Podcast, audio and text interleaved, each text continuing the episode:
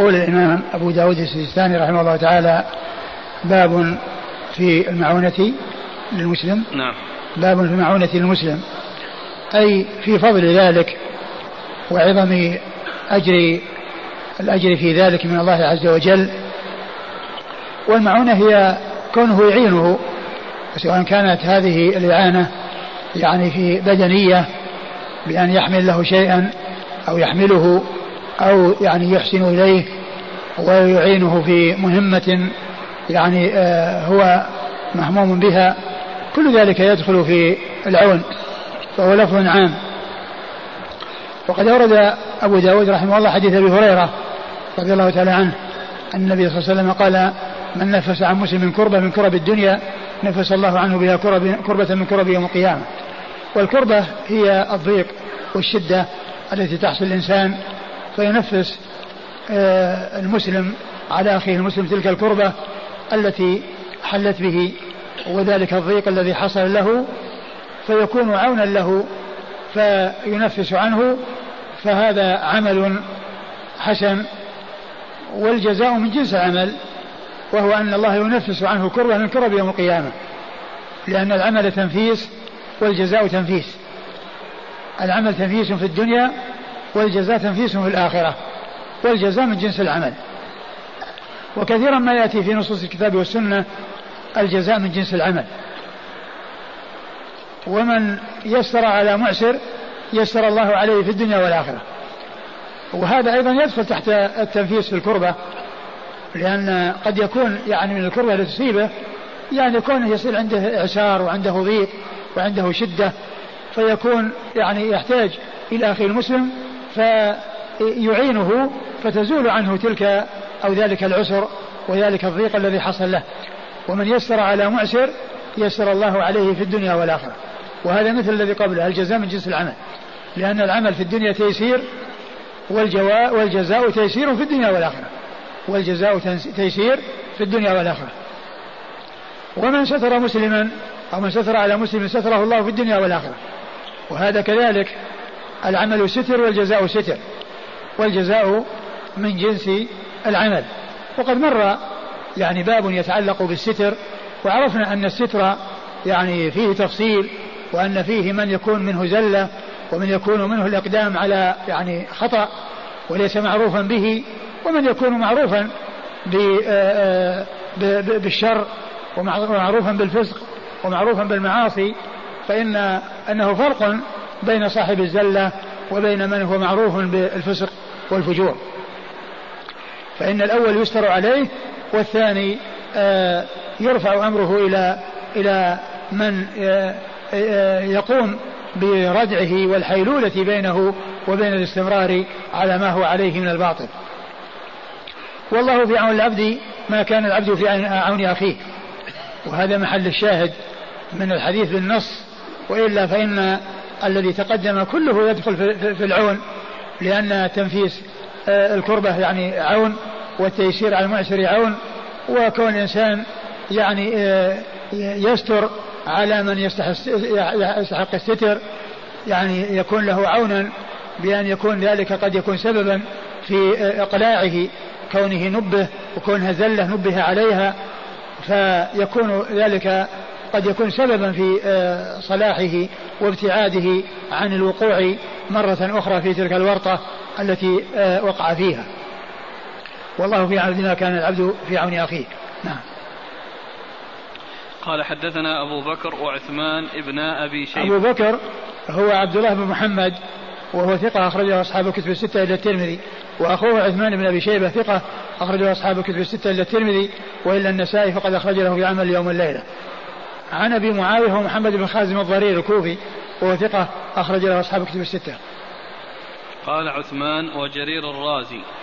قال عثمان وجرير الرازي يعني أن أن عثمان وهو الشيخ الثاني لأبي داود في هذا الإسناد رواه عن شيخين. وأما أبو بكر رواه عن شيخ واحد. لأنهم اتفقوا في رواية عن أبي معاوية ولكن آه عثمان زاد أيضا أنه رواه عن آه جرير بن عبد الحميد الضبي الرازي. فإذا هو روايته آه للحديث عن شيخين وأما أخوه أبو بكر فروايته عن شيخ واحد. وجرير عبد الحميد ثقة أخرجه أصحاب كتب الستة. قال حاء وحدثنا واصل بن عبد الأعلى. ثم قال حاء وحدثنا واصل بن عبد الأعلى. واصل ابن عبد الأعلى هو ثقة أخرجه مسلم وأصحاب السنن ثقة أخرجه مسلم وأصحاب السنن عن قال عن أسباط عن أسباط بن محمد وهو ثقة أخرجه أصحاب الكتب ثقة أخرجه أصحاب الكتب الستة عن الأعمش عن الأعمش سليمان بن مهران الكاهلي الكوفي وهو ثقة أخرج له أصحاب الكتب الستة. عن أبي صالح. عن أبي صالح وهو ذكوان السمان وهو ثقة أخرج له أصحاب الكتب الستة. وقال واصل قال حدثت عن أبي صالح. وقال واصل وهي الطريقة الأخيرة.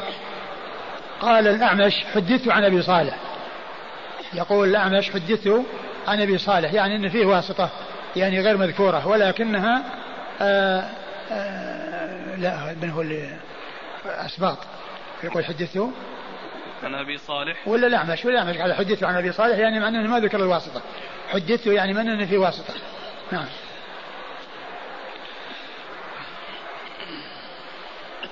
عن أبي هريرة نعم. عبد الرحمن بن صخر الدوسي رضي الله عنه صاحب رسول الله عليه الصلاه والسلام وأكثر أصحابه حديثا على الاطلاق رضي الله عنه وأرضاه. في التيسير على معسر قال يسر الله عليه في الدنيا والآخرة. وفي الستر على المسلم قال ستر الله عليه في الدنيا والآخرة. في تنفيس الكربة قال نفس عليه كربة من كرب القيامة. ما قال؟ من كرب الدنيا والآخرة. ما أدري الروايات الأخرى واللغات الأخرى هل جاء فيها شيء من هذا؟ أو أنه يعني كما جاء هنا يعني أنه نفس عنه كربة من كرب يوم القيامة. ومعلوم أن أن تنفيس الكربة يعني آه، يدخل فيه التيسير على المعسر لأنه من تنفيس الكرب. قال أبو داود لم يذكر عثمان عن أبي معاوية ومن يسر على معسر. يعني أن في رواية أبي معاوية ليس فيها هذه الجملة وإن فيه وإنما فيها آه، قضية الكربة قضية التيسير والله في عون العبد ما دام العبد عون أخيه.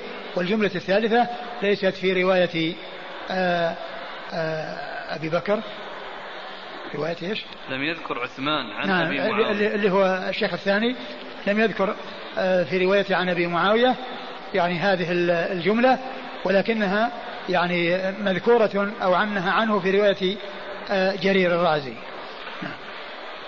قال حدثنا محمد بن كثير قال أخبرنا سفيان عن أبي مالك الأشجعي عن ربعي بن حراش عن حذيفة رضي الله عنه أنه قال قال نبيكم صلى الله عليه وعلى آله وسلم كل معروف صدقة.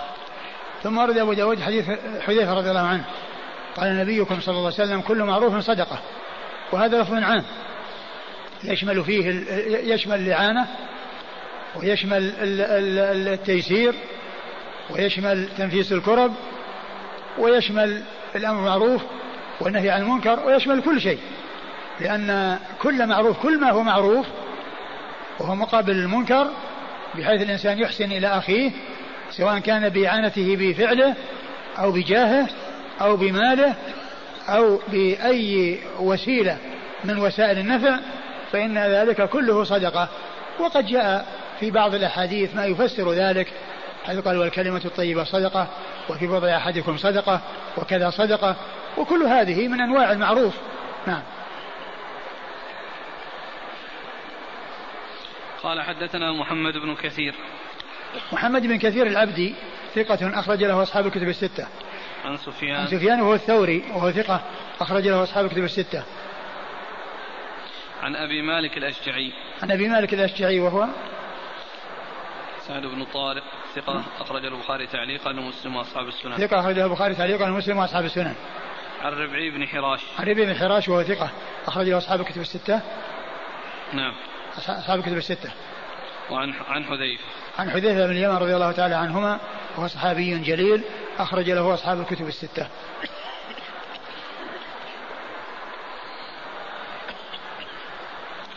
قال رحمه الله تعالى باب في تغيير الأسماء.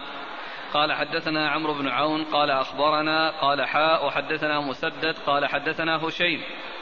عن داود بن عمرو عن عبد الله بن أبي زكريا عن أبي الدرداء رضي الله عنه أنه قال قال رسول الله صلى الله عليه وعلى آله وسلم إنكم تدعون يوم القيامة بأسمائكم وأسماء آبائكم فأحسنوا أسماءكم.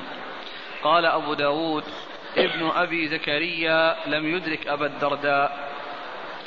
ثم ورد أبو داود هذه الترجمة باب في تغيير الأسماء. وهذه هذه الترجمة أورد تحتها حديثين ليس فيهما ذكر التغيير وإنما فيهما ذكر الأسماء.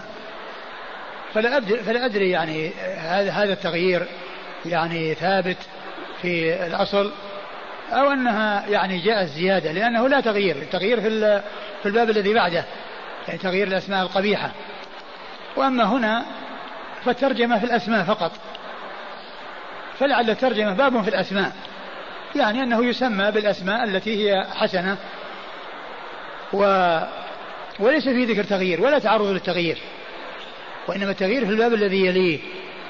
وبعض النسخ يعني كنسخة عون المعبود وهذه النسخة ونسخ أخرى فيها هذه الترجمة لكن كما قلت التغيير ليس يعني ذكر التغيير هنا ليس بواضح لأنه لا ذكر للتغيير بل التغيير إنما هو في الباب الذي يليه. هذا هو الذي فيه التغيير. وأما هذا ما فيه الذي فيه ذكر الأسماء وبيان ما يستحسن من الأسماء. نعم. ثم ورد أبو داود حديث أبي الدرداء. حديث أبي الدرداء رضي الله عنه إنكم تدعون يوم القيامة بأسمائكم وأسماء آبائكم فأحسنوا أسماءكم. فأحسنوا أسماءكم. يعني المقصود من ذلك يعني خطاب للآباء أنهم يحسنون أسماء الأولاد لأن التسمية إنما تحصل من, من الآباء إلى الأولاد. والإنسان لا يسمي نفسه وإنما يسميه أبوه ويسميه أهله. ثم ينشأ على هذا الاسم فالاختيار أو الإرشاد إنما هو للآباء أن يحسنوا الأسماء. لكن الحديث فيه انقطاع كما أشار إليه أبو داود بين ابن زكريا نعم. ابن زكريا وأبي الدرداء. يعني فهو منقطع. ولكن لا شك إن كون الإنسان يحسن الاسم وأن مطلوب من الإنسان أن الإنسان يحسن الاسم لا شك. يعني هذا أمر مطلوب. وذكر الأسماء القبيحة والأسماء المستنكرة هذا لا, لا, لا يصلح. يعني لا يسوغ ولا يصلح أو لا يصلح. نعم. قال حدثنا عمرو بن عون. عمرو بن عون ثقة أخرج له أصحاب الكتب الستة. قال أخبرنا قال حاء وحدثنا مسدد قال حدثنا هشيم. أولا قال؟ قال أخبرنا قال حاء وحدثنا مسدد. آه. قال حدثنا هشيم. نعم يعني جاء التحويل قبل ذكر الشيخ الثاني وذلك لأن المقصود من ذلك التفاوت في الصيغة من هذين الراويين الشيخ الأول والشيخ الثاني لأن أحدهما قال أخبرنا وهو الأول والثاني قال حدثنا. فإذا التحويل من أجل التفاوت في الصيغة. نعم. آه، والثاني من هو؟ قال حدثنا مسدد. مسدد آه، ثقة أخرجه البخاري تعليقا ومسلم البخاري وأبو داود والترمذي والنسائي. عن هشيم. هشيم بن بشير الواسطي وهو ثقة أخرج له أصحاب الكتب الستة. عن داود بن عمرو. عن داود بن عمرو وهو صدوق يخطئ. صدوق يخطئ أخرج له أبو داود. أخرج له أبو داود. عن عبد الله بن أبي زكريا. عن عبد الله بن أبي زكريا وهو ثقة أخرجه أبو داود. ثقة أخرج له أبو داود. عن أبي الدرداء. عن أبي الدرداء عويمر رضي الله عنه وهو صحابي أخرج له أصحاب الكتب الستة. إن الله يدعو الناس يوم القيامة بأمهاتهم سترا منه على عباده. لا هذا غير ثابت. ما ثبت في ذكر الأمهات شيء.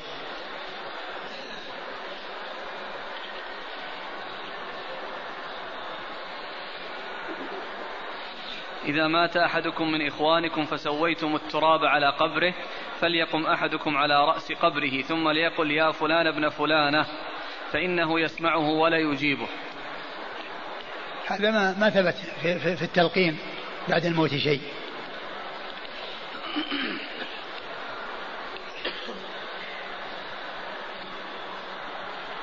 قال حدثنا إبراهيم بن زياد بن سبلان قال حدثنا عباد بن عباد عن عبيد الله عن نافع عن ابن عمر رضي الله عنهما أنه قال قال رسول الله صلى الله عليه وآله وسلم أحب الأسماء إلى الله تعالى عبد الله وعبد الرحمن. ثم ورد أبو داود حديث آه، آه، ابن عمر رضي الله تعالى عن عن عنهما أن النبي صلى الله عليه وسلم قال أحب الأسماء إلى الله عبد الله وعبد الرحمن. يعني هذا يعني بيان أن هذين الاسمين هما أحب الأسماء إلى الله. عبد الله وعبد الرحمن. وهذان من أسماء الله الحسنى. وأسماء الحسنى الأسماء الحسنى كثيرة. ولكن ذكر هذان الاسمان وهما اسمان لا يطلقان إلا على الله. هذان الاسمان لا يطلقان إلا على الله.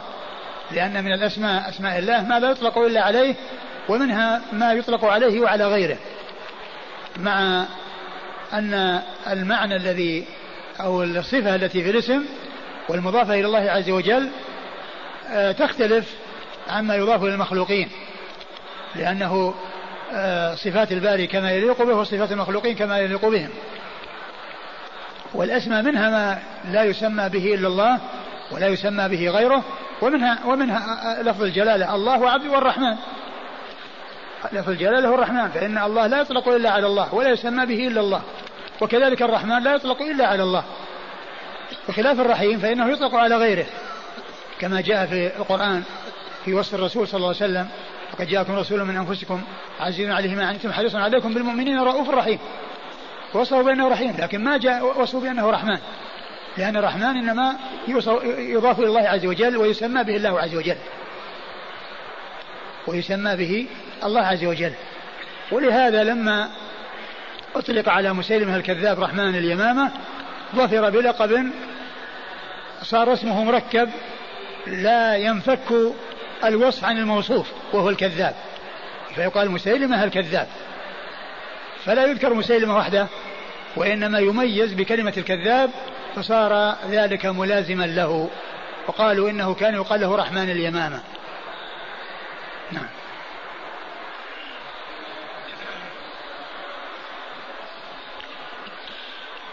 قال حدثنا إبراهيم بن زياد سب بن زياد سبلان. حدثنا قال أبو حدثنا إبراهيم بن زياد سبلان. يعني سبلان لقب. يعني ذكر اسمه واسم أبيه ولقبه. وهو ثقة أخرجه مسلم وأبو داود والنسائي. ثقة أخرجه مسلم وأبو داود والنسائي.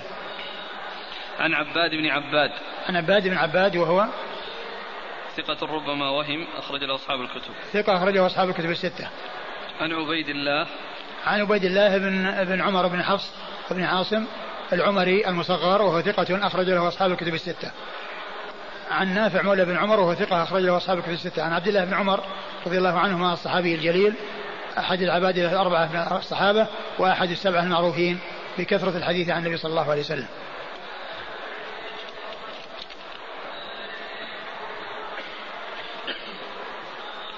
قال حدثنا هارون بن عبد الله قال حدثنا هشام بن سعيد الطالقاني قال أخبرنا محمد بن المهاجر الأنصاري قال حدثني عقيل بن شبيب عن أبي وهب الجشمي رضي الله عنه وكانت له صحبة. قال قال رسول الله صلى الله عليه وآله وسلم تسموا بأسماء الأنبياء وأحب الأسماء إلى الله عبد الله وعبد الرحمن وأصدقها حارث وهمام وأقبحها حرب ومرة. هذا كله في الباب في الأول هو تغيير الأسماء أربع حديث أي نعم أربعة حديث وليس حديثين. وهذه كلها أسماء فقط ما فيها تغيير. لا تغيير فيها. يعني مما يعني يجعل كلمة تغيير فيها مشكلة. يعني غير واضحة. يعني يعني لا يجزم بثبوتها لأنه لا تغيير في تلك الأحاديث كلها وإنما التغيير في الباب الذي يليه. أورد أبو داود حديث أبو أبو أبي وهب الجشمي. أبي وهب الجشمي رضي الله عنه وكانت له صحبة. النبي صلى الله عليه وسلم قال تسموا بأسماء الأنبياء. وقال أحب الأسماء عبد الله وعبد الرحمن وأصدقها حارث وهمام وإيش و وأقبحها وأقبحها, كع... وأقبحها حرب, حرب ومرة. وأقبحها حرب ومرة. هذا الحديث قول تسموا بأسماء الأنبياء. جاء من هذه الطريق. وأما الألفاظ الأخرى التي جاءت فيه فيما يعتبر بالأحب والأصدق والأقبح هذه جاءت في أحاديث أخرى. ولهذا الألباني ضعف هذه الجملة التي جاءت من هذا الطريق لأن فيها رجل يعني فيه ضعف في إسناده. وأما الكلمات الأخرى أو الجمل الأخرى فقد جاءت فيها حديث أخرى يعني آه، شاهدة لها شاهدة لهذا الحديث. ودل على ما دل عليه هذا الحديث. والتسمي بأسماء الأنبياء لا شك أنه سائغ ولكن الشأن في كونه مأمورا به. والرسول صلى الله عليه وسلم سمى باسم إبراهيم وقال سميته باسم أبي إبراهيم لأنه لما ولد له إبراهيم ابنه قال عليه الصلاة والسلام ولد الليلة لي غلام وسميته باسم أبي إبراهيم وسميته باسم أبي إبراهيم. ففي تنصيص على أنه سماه باسم أبيه إبراهيم. وأيضا أبو موسى الأشعري لما جيء بولد جيء بولد له سماه إبراهيم. حنكه وسماه إبراهيم. لكن ما فيه أنه قال باسم ما أعرف أنه قال باسم آه، آه، أبينا إبراهيم أو باسم إبراهيم الذي هو النبي عليه الصلاة والسلام. ولكن فيما يتعلق بابنه إبراهيم عليه الصلاة والسلام قال ولد الليلة لي غلام وسميته باسم أبي إبراهيم. وأما قول احب أسماء عبد الله وعبد الرحمن فهذا مر في الحديث الصحيح الذي قبل هذا. وأصدقها حارث وهمام يعني من ناحية مطابقة الاسم للمسمى لأن الإنسان يعني حارث يعني كاسب ومتحرك وعامل وهمام يعني صاحب هم وهذه موجودة يعني تكون في, في الإنسان. وأقبحها حرب ومرة لأن حرب يعني فيه فيه الحرب وما وما فيها من دمار وما فيها من هلاك ومرة ما فيها من المرارة ما فيه من المرارة. وأن اللفظ يعني الاسم يعني قد يشعر بالمسمى فيكون يعني في ذلك قبحا أو يعني سوءا أو أن يعني مثل ذلك يعني غيره أولى منه. نعم. قال حدثنا هارون بن عبد الله. هارون بن عبد الله الحمال البغدادي ثقة أخرج له مسلم وأصحاب السنن. عن هشام بن سعيد الطالقاني. عن هشام بن سعيد الطالقاني وهو؟ صدوق أخرجه البخاري في المفرد وأبو داود والنسائي. صدوق أخرجه البخاري في المفرد وأبو داود والنسائي. عن محمد بن المهاجر الأنصاري. عن محمد ابن المهاجر الأنصاري. محمد المهاجر الأنصاري وهو؟ ثقة أخرج البخاري في المفرد ومسلم وأصحاب السنن. ثقة ثقة. نعم. أخرجه البخاري في المفرد ومسلم وأصحاب السنن. عن؟ عقيل بن شبيب. عن عقيل بن شبيب وهو مجهول. نعم. وهو مجهول أخرج له. البخاري في المفرد وأبو داود والنسائي. البخاري في المفرد وأبو داود والنسائي. عن أبي وهب الجشمي. عن أبي وهب الجشمي رضي الله عنه وهو صحابي أخرج له. البخاري في المفرد وأبو داود والنسائي. البخاري في المفرد وأبو داود والنسائي. هل في الحديث الحث على التسمي بهمام والحارث؟ لا ما في حث. ولكن بيان في الصدق أنه إذا سمي به فإنه اسم مطابق للواقع. الحث فيما فيما في كونها أحب إلى الله. أيهما أفضل التسمية بأسماء الأنبياء أم بأسماء الصحابة؟ وعلى كل يعني سائق ومعلوم أن الأنبياء لا يساويهم أحد ولا يدانيهم أحد والصحابة هم خير الناس. بعد الأنبياء والمرسلين صلوات الله وسلامه وبركاته عليهم أجمعين. والتسمية بابها واسع سواء كان من أسماء الأنبياء أو من أسماء الصحابة أو مما كان خارجا عن ذلك.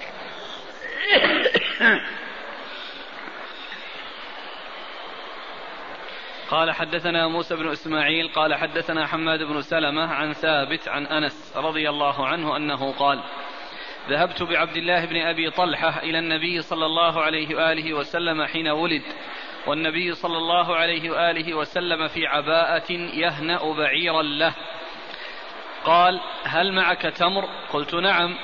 قال فناولته تمرات فألقاهن في فيه فلاكهن ثم فغر فاه فأوجرهن إياه فجعل الصبي يتلمض فقال النبي صلى الله عليه وعلى آله وسلم حب الأنصار التمر وسماه عبد وسماه عبد الله.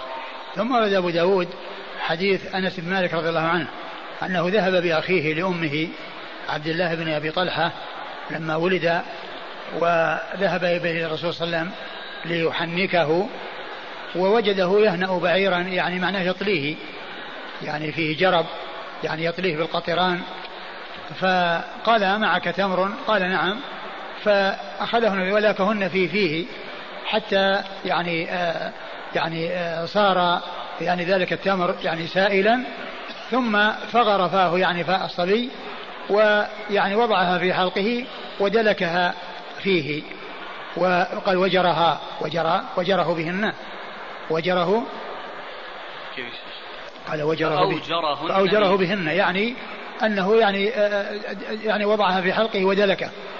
والوجور هو ما يصب في الحلق. الوجور والسعوط ما يوضع في الأنف. ما يوضع في الأنف قال سعوط وما في الفم يقال له وجور. وأما الفعل يقال له وجور. وسعوط يعني يكون يعني عمل ال وضع السعوط يعني في الأنف وضع الوجوع هذا قال له وجور بالضم. مثل طهور وطهور ووضوء ووضوء وغيرها من الألفاظ. التي تأتي بفتح وضم في الأول فيكون المفتوح يراد به الشيء الذي يستعمل والذي بالضم يراد به الاستعمال. أو يعني نفس الاستعمال نفس الفعل. فأوجره يعني وضعهن في حلقه ودلكها فجعل الصبي يعني يتلمذ يعني يحرك يعني لسانه في فمه يعني يتتبع يعني ذلك الشيء الذي فيه يعني الذي فيه الحلاوة. فالنبي صلى الله عليه وسلم قال حب الأنصار التمرة أو حب الأنصار التمرة كما قال النووي. يعني روي بالكسر وروي بالضم. فعلى الكسر حب بمعنى محبوب. مثل ما جاء عن وسلم أن أن أن زيدا حبه وأسامة حبه يعني محبوبه. حب بمعنى محبوب. حب الأنصار التمر يعني محبوب الأنصار التمر. محبوب الأنصار التمر. أو حب الأنصار التمر يعني حاصل أو واقع. حب حب الأنصار التمر حاصل أو واقع. نعم.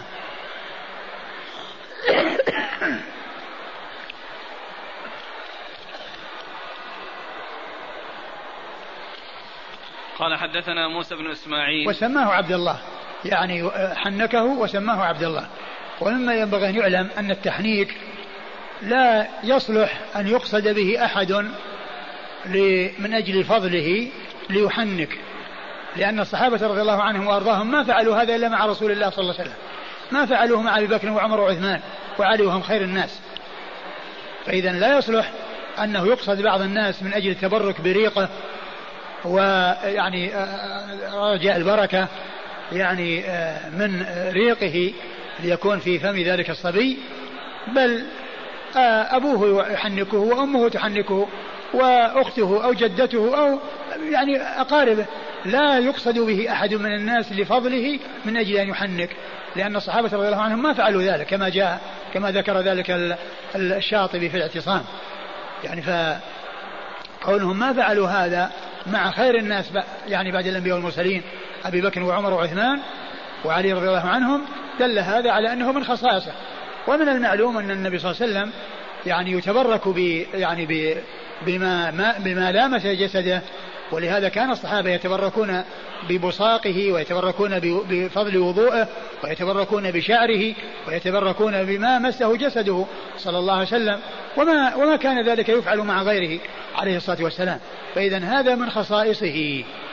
هذا من خصائصه. ولهذا لا يجوز أن يعني يعمل ذلك مع غيره بأن يتبرك بعرقه أو بشيء من مما مسه جسده. لا يكون هذا في غير رسول الله صلوات الله وسلامه وبركاته عليه. وسماه عبد الله الذي هو اسم من أحب الأسماء إلى الله. كما جاء في الحديث المتقدم أحب الأسماء إلى الله عبد الله وعبد الرحمن. وأنس هو أخوه لأمه لأنه جاء بأخيه من أمه لأن بطلها هو زوج أم سليم. وعبد الله هذا ابن ابنه هذا ابنهما فهو أخوه لأمه. نعم. قال حدثنا موسى بن إسماعيل موسى بن إسماعيل التبوذكي البصري ثقة أخرجه أصحاب الكتب الستة. عن حماد بن سلمة. عن حماد بن سلمة بن دينار البصري ثقة أخرجه البخاري تعليقا ومسلم وأصحاب السنن. عن ثابت. عن ثابت بن أسلم البناني ثقة أخرجه أصحاب الكتب الستة. عن أنس. عن أنس رضي الله عنه خادم رسول الله عليه الصلاة والسلام وأحد السبعة المعروفين بكثرة الحديث عن النبي عليه الصلاة والسلام وهذا الإسناد رباعي من أعلى الأسانيد عند أبي داود رحمه الله.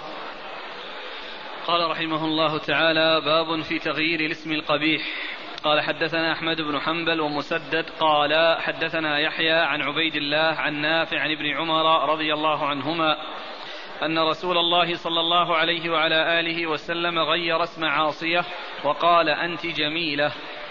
ثم أورد أبو داود هذه ترجم باب في تغيير اسم القبيح يعني أنه يغير الاسم إذا كان يعني قبيحا غير حسن وأورد أبو داود عدة أحاديث أولها حديث ابن عمر. حديث عبد الله بن عمر رضي الله عنهما أن امرأة أن امرأة غير صلى الله عليه وسلم اسم عاصية. أن غير اسم عاصية وقال أنت جميلة. يعني سماها جميلة بدل عاصية. وذلك أن عاصية يعني يعني يشعر بالعصيان والمعصية. وهذا يعني شيء يعني غير حسن وقبيح. ولم يقل مطيعة يعني بالاسم المقابل لأنه قد يكون في تزكية. ولكن قال جميلة. نعم.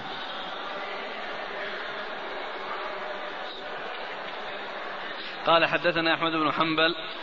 أحمد بن محمد بن حنبل الشيباني الإمام الفقيه المحدث المشهور أحد أصحاب المذاهب الأربعة المشهورة من مذاهب السنة وحديثها أخرجها أصحاب الكتب الستة.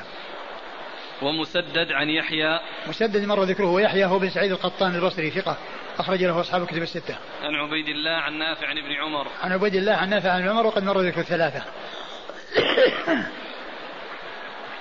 قال حدثنا عيسى بن حماد قال أخبرنا الليث عن يزيد بن أبي حبيب عن محمد بن إسحاق عن محمد بن عمرو بن عطاء أن زينب بنت أبي سلمة رضي الله عنهما سألته ما سميت ابنتك قال سميتها برة فقالت إن رسول الله صلى الله عليه وآله وسلم نهى عن هذا الاسم. سميت برة. فقال النبي صلى الله عليه وآله وسلم لا تزكوا أنفسكم. الله أعلم بأهل البر منكم. فقال ما نسميها؟ قال سموها زينب. ثم ورد أبو داود حديث آه، زينب بنت أبي زينب بنت أم بنت أبي سلمة رضي الله تعالى عنها أنها سألت من هو التابعي محمد بن عمرو. محمد بن عمرو بن عطاء عن عن اسم بنته فقال سماها برة. فقالت إن النبي صلى الله عليه وسلم نهى عن ذلك وأنها هي نفسها سميت برة وأن النبي صلى الله عليه وسلم قال لا تزكوا أنفسكم ويعني لأن كلمة برة يعني البر. فقال يعني قال كيف نسميها قال زينب. فسميت زينب من برة إلى زينب. نعم. وهذا من أجل التزكية وذاك من أجل من أجل يعني قبح اللفظ قبح المعنى. وهذا ليس الاسم قبيحا ولكنه يعني من ناحية في تزكية. يعني القبح الذي فيه ليس قبحا يعني من ناحية الشيء وإنما هو من جهة الطرف الثاني الذي الذي هو المبالغة. نعم. قال حدثنا عيسى بن حماد. عيسى بن حماد هو زغبة هو ثقة أخرج له مسلم. وأبو داود النسائي بن ماجه. وأبو داود النسائي بن ماجه. عن الليث. عن الليث بن سعد المصري وهو ثقة فقيه أخرج له أصحاب الكتب الستة. عن يزيد بن أبي حبيب يزيد بن أبي حبيب المصري ثقة أخرج له أصحاب الكتب الستة. عن محمد بن إسحاق عن محمد بن إسحاق المدني صدوق أخرج حديث البخاري تعليقا ومسلم وأصحاب السنن. عن محمد بن عمرو بن عطاء عن محمد بن عمرو بن عطاء وهو ثقة أخرج أصحاب الكتب نعم. ثقة ثقة أخرج أصحاب الكتب الستة. عن زينب بنت أبي سلمة. عن زينب بنت أبي سلمة رضي الله عنها ربيبة رسول الله صلى الله عليه وسلم وحديثها أخرجه أصحاب الكتب الستة. قال حدثنا مسدد قال حدثنا بشر يعني ابن المفضل قال حدثني بشير بن ميمون عن عمه أسامة بن أخدري رضي الله عنه أن رجلا يقال له أصرم كان في النفر الذين أتوا رسول الله صلى الله عليه وآله وسلم. فقال رسول الله صلى الله عليه وآله وسلم ما اسمك؟ قال أنا أصرم. قال بل أنت زرعة. ثم أورد أبو داود حديث أسامة بن أخدري. الأخدري رضي الله عنه أن أن في النفر الذي جاءوا إلى رسول الله صلى الله عليه وسلم رجل سأله النبي عن اسمه فقال اسمه أصرم فقال بل أنت زرعة. وذلك أن أصرم يعني فيه القطع من القطع الصرم هو القطع. فقال بل أنت زرعة. يعني و يعني جاء هذا الاسم الذي يعني هو جميل والذي يعني آه، آه، فيه يعني خضرة وفيه جمال يعني هو الزرع. وقال في مقابل ذلك الاسم الذي فيه القطع والبتر. نعم. قال حدثنا مسدد عن بش عن بشر يعني بن المفضل. بشر المفضل ثقة أخرج له أصحاب الكتب الستة. عن بشير بن ميمون. عن بشير بن ميمون وهو؟ صدوق غير أبو داود. صدوق أخرج له أبو داود. عن أسامة بن أخدري. عن أسامة بن أخدري رضي الله عنه هو صحابي أخرج له أبو داود. أبو داود. الإسناد كم؟ الرباعي. مسدد وبشر بشير أسامة. هذا رباعي. من, من أعلى الأسانيد عند أبي داود. قال حدثنا الربيع بن نافع عن يزيد يعني بن المقداد بن شريح عن أبيه عن جده عن أبيه هانئ رضي الله عنه. أنه لما وفد إلى رسول الله صلى الله عليه وآله وسلم مع قومه سمعهم يكنونه بأبي الحكم فدعاه رسول الله صلى الله عليه وآله وسلم فقال إن الله هو الحكم وإليه الحكم فلم تكنى أبا الحكم؟ فقال إن قومي إذا اختلفوا في شيء أتوني فحكمت بينهم فرضي كلا الفريقين. فقال رسول الله صلى الله عليه وآله وسلم ما أحسن هذا؟ فما لك من الولد؟ قال لي شريح ومسلم وعبد الله. قال فمن أكبرهم؟ قلت شريح. قال فأنت أبو شريح. قال أبو داود شريح هذا هو الذي كسر السلسلة وهو ممن دخل تستر.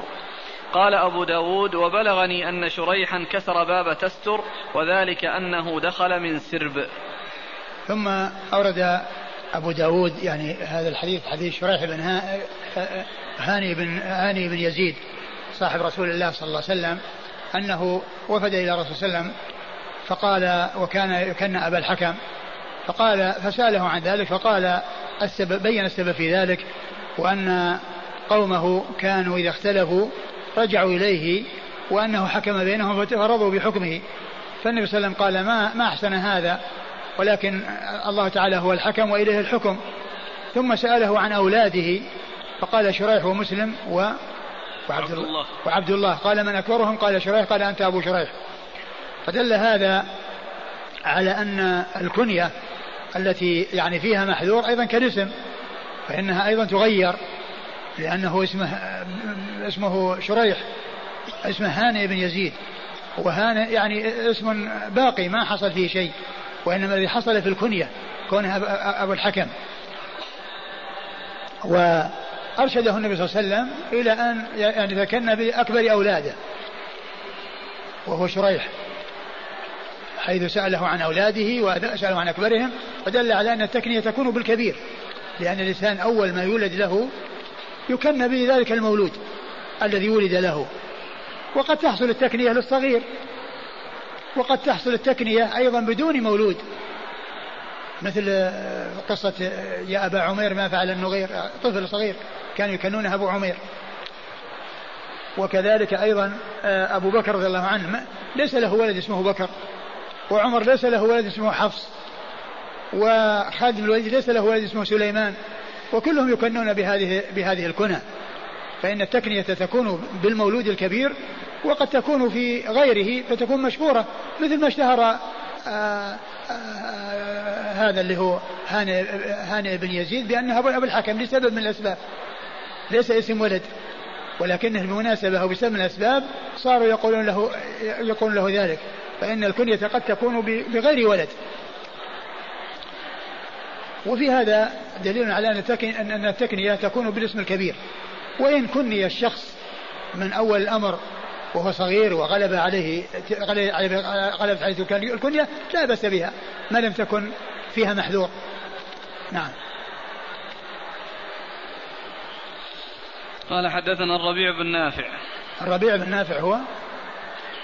ثقة أخرجه أصحاب الكتب إلا الترمذي. ثقة أخرجه أصحاب الكتب الستة إلى الترمذي.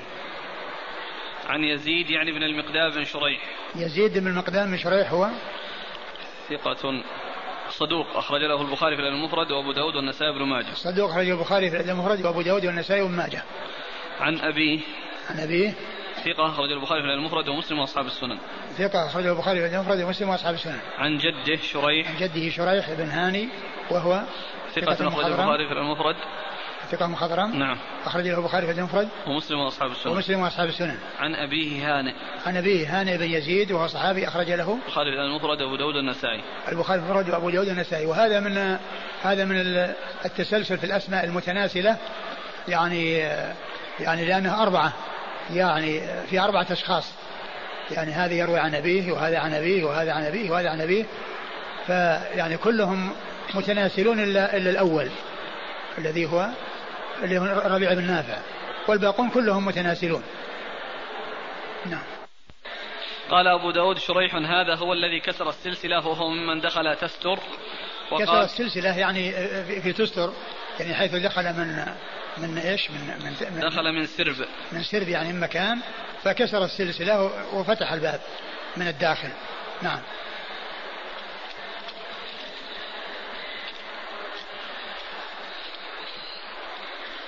قال حدثنا أحمد بن صالح قال حدثنا عبد الرزاق عن معمر عن الزهري عن سعيد بن المسيب عن أبيه رضي الله عنه عن جده كذلك رضي الله عنه أن النبي صلى الله عليه وآله وسلم قال له ما اسمك؟ قال حزن. قال أنت سهل. قال لا السهل يوطأ ويمتهن. قال سعيد فظننت أنه سيصيبنا بعده حزونه. ثم ورد أبو داود حديث حزن آه، صاحب رسول الله صلى الله عليه وسلم جد. سعيد بن المسيب أنه جاء النبي فقال اسمه فقال حزن قال أنت سهل. يعني معناه أن يعني ضده لأن الحزن ضده السهل الحزن يعني اللي فيه شدة وفيه يعني آه، آه، مقابل للسهل الذي هو الوعر. يعني السهل والوعر أو السهل والحزن. فالحزن هو الوعر. فقال السهل يوطأ ويمتهن. يوطأ ويمتهن. فالرسول فقال سعيد؟ قال سعيد أو نعم قال, قال سعيد. ف... فظننت أنه سيصيبنا بعده حزونا فظننت أنه سيصيبنا بعده حزونا يعني شدة. يعني نتيجة للبقاء على الاسم أو المحافظة على الاسم. نعم. وكما يقولون يعني الاسم يدل على المسمى وهذا ليس بغالب.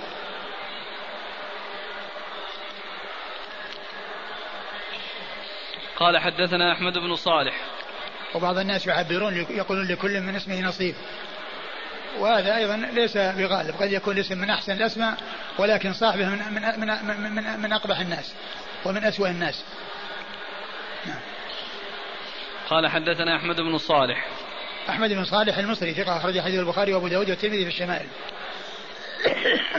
صالح ما فيها تزكية؟ ها؟ صالح إيش؟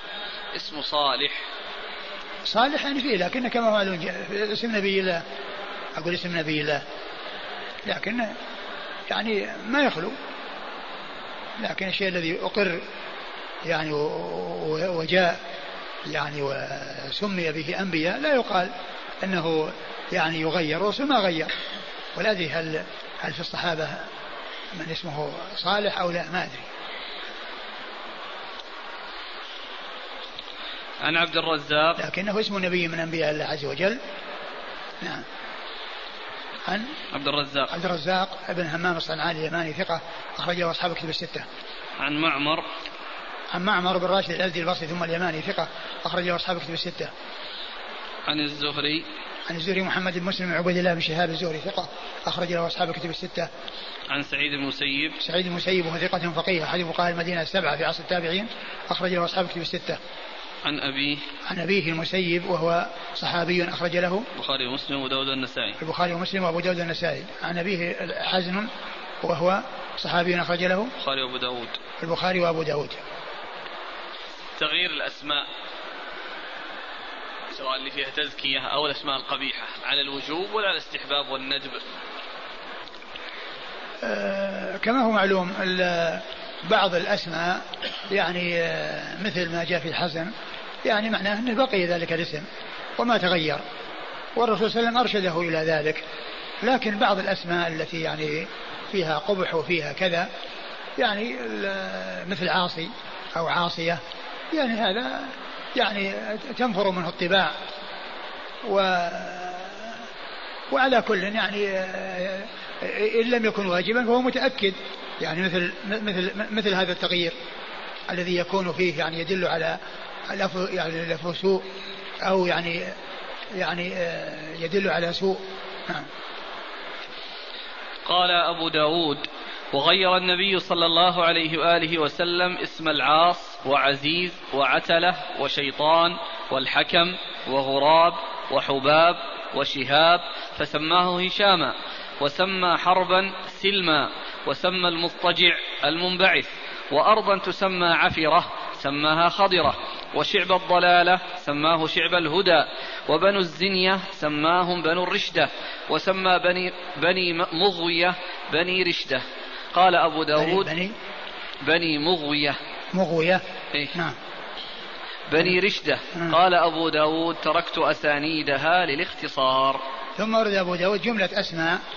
قال إنه حصل فيها تغيير وأنه ترك أسانيدها للاختصار يعني فلم يذكرها. وإنما اكتفى بذكر هذه الأسماء وقال إنها غيرت. أولها؟ غير النبي صلى الله عليه وسلم اسم العاص. العاص؟ نعم. يعني هذا مثل عاصية. يعني نعم. وعزيز. عزيز.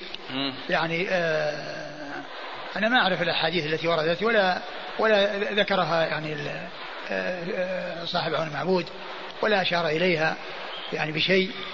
وعزيز يعني كما هو معلوم جاء يعني اطلاقه في القرآن. يعني قالت امرأة العزيز قالت امرأة العزيز. وهو من الأسماء التي يعني مثل كلمة الرحيم تطلق على الله وتطلق على غيره.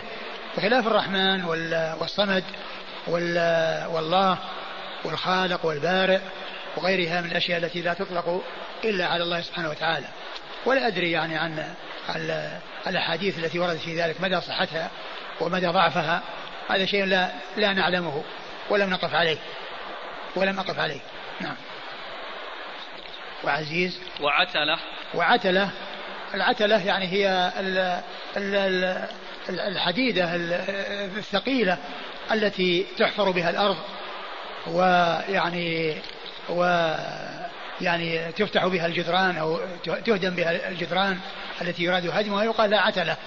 يعني معناه أن فيها شدة. نعم. وشيطان. وشيطان هذا من اقبح أقبح ما يكون. يعني يكون يسمى شيطان. نعم. والحكم. والحكم جاء في حديث ابو الحكم فلا أدري يعني هل المقصود به يعني اسم غيره من الحكم إلى اسم آخر أو أنه يعني كونه ورد في آه الذي مر. لكن الأخ يقول يوجد من الصحابة الحكم بن حزم والحكم بن سفيان. الحكم إيش؟ الحكم بن حزم والحكم بن سفيان. يقول هذه أسماء صحابة فهل المنهي والتكني فقط بأبي الحكم دون التسمي بالحكم؟ شوف التقريب فيه من الصحابة. الحكم.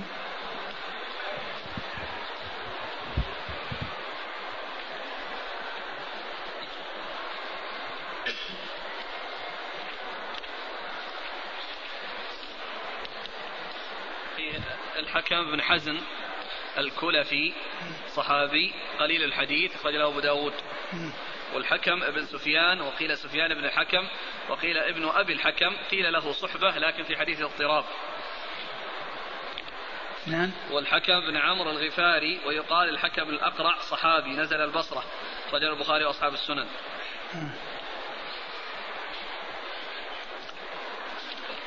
أه ما أدري يعني هل المقصود به يعني تغيير اسم يعني أو المقصود بتغيير ما جاء في الكنية التي في أبا الحكم وأنها ترجع إلى سبب لكنه قال يعني في الحديث إن الله هو الحكم وإليه الحكم. إن الله هو الحكم وإليه الحكم فأنت أبو شريح أو أنت ما اسم أولادك ثم قال له أنت أبو شريح. فعلى كل أن الشيء الذي وجد وأقره الرسول صلى الله عليه وسلم وحصل فيه تغيير يعني بالنسبة للكنية نعم كما كما غير ذلك رسول الله صلى الله عليه وسلم. وأما بالنسبة للاسم كونه يعني جاء بعض الصحابة أو جاء تسمية بعض الصحابة ولم يحصل تغيير فيدل على أن أن أن ذلك سائر مثل ما جاء في إقرار عبد المطلب اسم عبد المطلب عبد المطلب بن ربيعة ابي الحارث وهو صحابي وهو الذي آه، أمر النبي صلى الله عليه وسلم بتزويجه.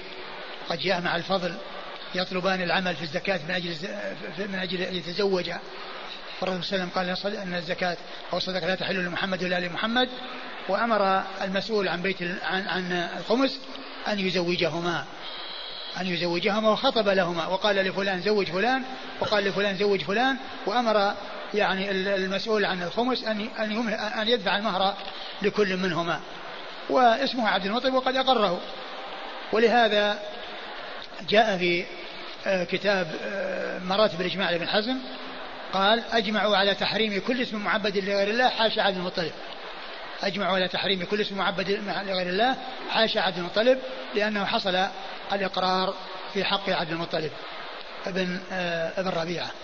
ولا يقال أن من أجل جده اسمه عبد المطلب لأن الذي تقدم هذا يعني لا يحصل فيه تغيير بل التغيير يكون في الموجودين والذين يعني يمكن تغيير أسمائهم. أما من تقدم ومن كان في نسبه نسب يعني اسم غير سليم فإنه يبقى على ما هو عليه اذا كان من اسماء الجاهلية. ولهذا الرسول قال أنا ابن عبد المطلب.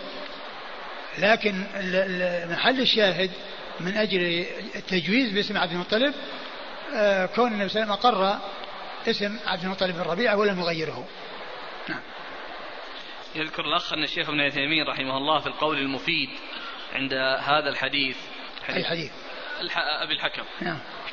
قال إن الأسماء التي يسمى بها الله ويسمى بها غيره إذا روعي فيها الصفة مثل الحكم لأنه يحتكم إليه والعزة لعزته فيجب تغييره. آه. يمكن. أقول يمكن يعني يكون يعني لا يعني مثل ما جاء في في, في المحاورة اللي جرت بينه وبين رسول الله صلى الله عليه وسلم قال أن كان يتحاكم إلي وأني كنت كذا وكذا. يعني فغير. هذا له وجه. نعم. قال وغراب. وغراب. إيه؟ وغراب لأن في قال لأن معناه البعد وقيل لأنه أخبث الطيور. نعم. يعني هذا نعم. وحباب. ولكن ما ندري عن ثبوت هذه هذه الأحاديث. هذه أسماء يعني كأنها غيرت فهل هو صحيح أو غير صحيح؟ الله تعالى أعلم. نعم. وغراء وحباب وحباب فسره قال إيش؟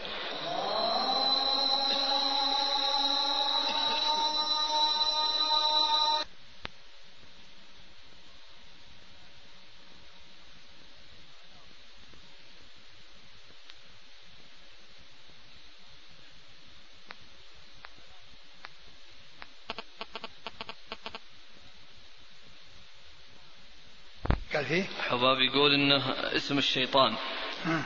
ويقع على الحية أو نوع منها. يعني إنه يعني مسماه قبيح لأنه يطلق على الشيطان ويطلق على الحية أو نوع من الحيات. نعم وشهاب. نعم وشهاب. وشهاب سماه هشاما. وشهاب يعني يعني فيه نار. الشهاب هي النار. نعم. طيب شهاب الدين. آه كما هو معلوم يعني مثل هذه الألقاب يعني التي آه، اشتهر بها بعض الناس أو تضاف إلى بعض الناس يعني مثل ما قالوا عن الحافظ بن حجر شهاب الدين الحافظ بن حجر يلقب شهاب الدين والعيني يلقب إيش؟ يلقب يعني قد هو قد هو بدر الدين أو هو اسم كذا لكن بعض بدر الدين العين ها؟ بدر الدين. نعم. يعني فكان يعني بعض أقول بعض المتعصبين يعني من الحنفية والذي يعني هو من أشد الناس حقدا على أهل السنة الذي هو الكوثري كان يعني يقول هو فرق ما بين الشهاب والبدر. فرق ما بين الشهاب والبدر. يعني يريد أن يعني يرفع من شأن العين ويحط من شأن ابن حجر. نعم لكن جاءت هذه كثير هذه يعني جاء أسئلة عن بدر الدين وقمر الدين وشمس والله لا شك. و... أقول لا شك يعني أن تركها هو الذي ينبغي. قال وسمى حربا سلما. وسمى حربا سلما يعني ضد الحرب. نعم. وسمى المضطجع المنبعث. والمضطجع المنبعث لأنه ضد ضد الاضطجاع. نعم. وأرضا تسمى عفرة سماها خضرة. نعم. وشعب الضلالة سماه شعب الهدى. نعم. وبنو الزنية سماهم بنو الرشد بني الرشدة. نعم. و... كل هذه أسماء قبيحة. نعم. وبني مغوية سماهم بني رشدة. نعم. قال أبو داود تركت أسانيدها للاختصار. ترك أسانيدها للاختصار لكن هل هي صحيحة أو غير صحيحة؟ لا ندري. قال حدثنا أبو بكر بن أبي شيبة قال حدثنا هاشم بن القاسم قال حدثنا أبو عقيل قال حدثنا مجالد بن سعيد عن الشعبي عن مسروق قال لقيت عمر بن الخطاب رضي الله عنه فقال من أنت؟ قلت مسروق بن الأجدع. فقال عمر سمعت رسول الله صلى الله عليه وآله وسلم يقول الأجدع شيطان. ثم ورد أبو داود حديث عمر رضي الله عنه. أن النبي صلى الله عليه وسلم قال يعني الأجدع شيطان. وقاله لما سمع يعني اسم أبي مسروق قال مسروق بالأجدع فقال سمعت رسول الله صلى الله عليه وسلم يقول الأجدع شيطان. والحديث ضعفه الألباني لأن في بعض رجاله من فيه ضعف. نعم. قال حدثنا أبو بكر بن أبي شيبة عن هاشم بن القاسم. هاشم بن القاسم ثقة أخرجه أصحاب الكتب الستة. عن أبي عقيل. أبو عقيل عبد الله بن عقيل وهو؟ صدوق أخرجه أصحاب السنن. صدوق أخرجه أصحاب السنن. عن مجالد بن سعيد. عن مجالد بن سعيد وهو؟ ليس بالقوي. ليس بالقوي. أخرجه مسلم وأصحاب السنن. أخرجه مسلم وأصحاب السنن. يعني هو يعني علته مجالد. أخرجه مسلم وأصحاب السنن. عن؟ عن الشعبي. عن الشعبي عامر بن شراحيل الشعبي وهو ثقة أخرجه أصحاب الكتب الستة. عن مسروق. عن مسروق بن الأجدع وهو ثقة أخرج له أصحاب الكتب الستة. عن عمر بن الخطاب رضي الله تعالى عنه صاحب رسول الله عليه الصلاة والسلام وثاني الخلفاء الراشدين آه الهادين المهديين رضي الله تعالى عنه وأرضاه وحديثه أخرجه أصحاب الكتب الستة. قال حدثنا النفيلي قال حدثنا زهير قال حدثنا منصور بن المعتمر عن هلال بن يساف عن ربيع بن عميلة عن سمر بن جندب رضي الله عنه أنه قال قال رسول الله صلى الله عليه وآله وسلم لا تسمين غلامك يسارا ولا رباحا ولا نجيحا ولا أفلح. كم باقي من حديث؟ أربعة حديث والله تعالى أعلم وصلى الله وسلم وبارك على عبده ورسوله نبينا محمد وعلى آله وأصحابه أجمعين جزاكم الله خيرا وبارك الله فيكم ونفعنا الله بما قلت. جاءت عدد من الأسئلة في أسماء معينة يسألون عن رأي الشيخ. أصحاب الله. أصحاب الله؟ نعم. اسم شخص اسمه أصحاب الله. بهذا الاسم جمع كذا؟ أي نعم. والله يعني هذا أقول أقول هذا اسم غريب هذا. يعني ومثل هذا لا يصلح أن يسمى بهذا الاسم. ليس من الخاسرين. اسم كذا ليس من الخاسرين؟ نعم. كل هالجملة هذه؟ أي. ما شاء والله هذا في تزكية. نعم يعني مع مع ثقله وطوله في تزكية. دخيل الله. نعم. دخيل الله. دخيل الله. أي. يعني أقول لا شك أن تركه أولى. دانيال دانيال؟ احتجاجا بأنه اسم نبي دانيال. والله بس هل هو ثابت أنه اسم نبي؟ ما ما ندري هذا كل يعني الأسماء الواضحة التي ما فيها أشكال كثيرة. طه وياسين. طه يعني كما هو معلوم ياسين حروف مقطعة. ليس هناك يعني ليس من أسماء الرسول صلى الله عليه وسلم. يعني بعض الناس يقول إن فيه انه من أسماء الرسول صلى الله عليه وسلم وهذا ليس بصحيح. لأنه ما ورد في ذلك شيء ثابت عن رسول الله عليه السلام لا طه ولا ياسين. و و وإنما هما من الحروف المقطعه وقد ذكر ذلك ابن القيم رحمه الله في تحفه الموجود وانه يعني ليس فيه يعني شيء من هذا. ولعل الذين قالوا أن من أسماء النبي طه لأنه جاء بعده ما أنزلنا عليك القرآن لتشقى ما أنزلنا عليك من أجل الخطاب أنه جاء بعده. ولكن يعني جاء سور مبدوءة بحروف مقطعة وفيها الخطاب. مثل مثل الأعراف. أولها ألف لام من صاد. كتاب أنزل إليك. إذا إذا فليكن من أسماء النبي صلى الله عليه وسلم ألف لام من صاد. إذا كان من أسماء طه من أجل أنه جاء في القرآن وأنه جاء الخطاب بعد الألف ألف لام من صاد. هذا غير صحيح. وكذلك أيضا في سورة آه، آه، سورة إبراهيم. كتاب أنزلناه إليك. لتخرج الناس من الظلمات إلى النور بإذن ربهم. كتاب ألف لام راء كتاب أنزلناه إليك. جاءت بعد ألف لام راء.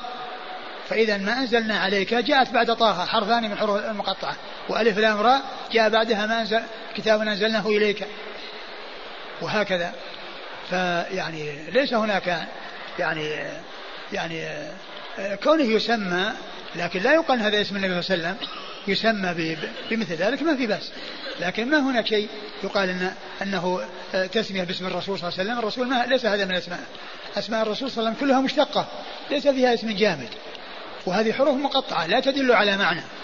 وأسماءه تدل على معنى صلى الله عليه وسلم. محمد وأحمد. يعني يدل على الحمد. مثل أسماء الله كلها مشتقة. أسماء الله كلها مشتقة وليس فيها اسم جامد. تدل على معاني. وما قيل أن من أسماء الله الدهر هذا غير صحيح. لأن الدهر اسم جامد ولا يدل على معنى فليس من أسماء الله الدهر. والحديث الذي قال فيه النبي صلى الله عليه وسلم يؤذيني ابن آدم يسب الدهر وأنا الدهر لا ليس معنى ذلك ان ان من أسماء الدهر وإنما يقول من سب الدهر فقد سبني لأن الدهر مقلب وأنا الذي أقلبه ومن سب المقلب رجعت المسبة إلى المقلب لأن المقلب غير فاعل وغير متصرف فسب فمسبته ترجع إلى إلى إلى الله عز وجل. الذي هو المقلب ولهذا قال بيد الأمر أقلب الليل والنهار. والليل والنهار هو الدهر. فالدهر مقلب والله تعالى هو المقلب. ومن سب المقلب رجعت مسبته إلى المقلب. وهذا معنى قوله إذن من يسب الدهر وأنا الدهر. يعني من سب الدهر فقد سبني. من سب الدهر فقد سبني لأن الدهر غير فاعل حتى يسب. وإنما يعني الله تعالى هو الذي يقلبه. فكذلك طه وياسين ليست من أسماء الرسول صلى الله عليه وسلم. لأن اسماءه مشتقة. يعني جاء أنه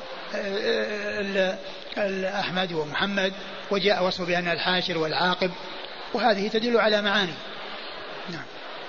أسماء للنساء إيمان وإسلام وتقوى.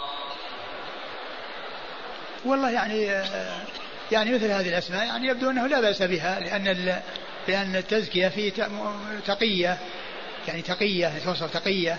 أما كونها توصف باسم هكذا ليس ليس يعني آآ آآ متصفة به. ولو ترك ولو ترك واختير من الأسماء التي لا إشكال فيها.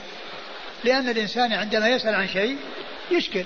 ما ما حد يسأل عن فاطمة وعن يعني زينب وعن يعني خديجة وعن كذا. ما حد يسأل عنه يقول كيف هل يسمى بها ولا لا. لأن الأمر فيها ذلك واضح. وإذا في الشيء الذي فيه إشكال على الإنسان إذا تردد فيه يتركه. مع أن في في الأشياء التي يعني قد تذكر ما ما لا مانع منه. نعم.